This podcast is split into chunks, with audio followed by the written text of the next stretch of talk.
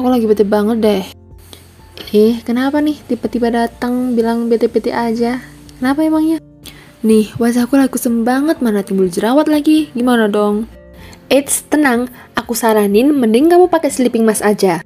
Hah? Sleeping mask? Apa tuh? Sleeping mask itu masker wajah yang digunakan selama semalam saat kamu mau tidur. Wih, sleeping mask dari brand apa tuh?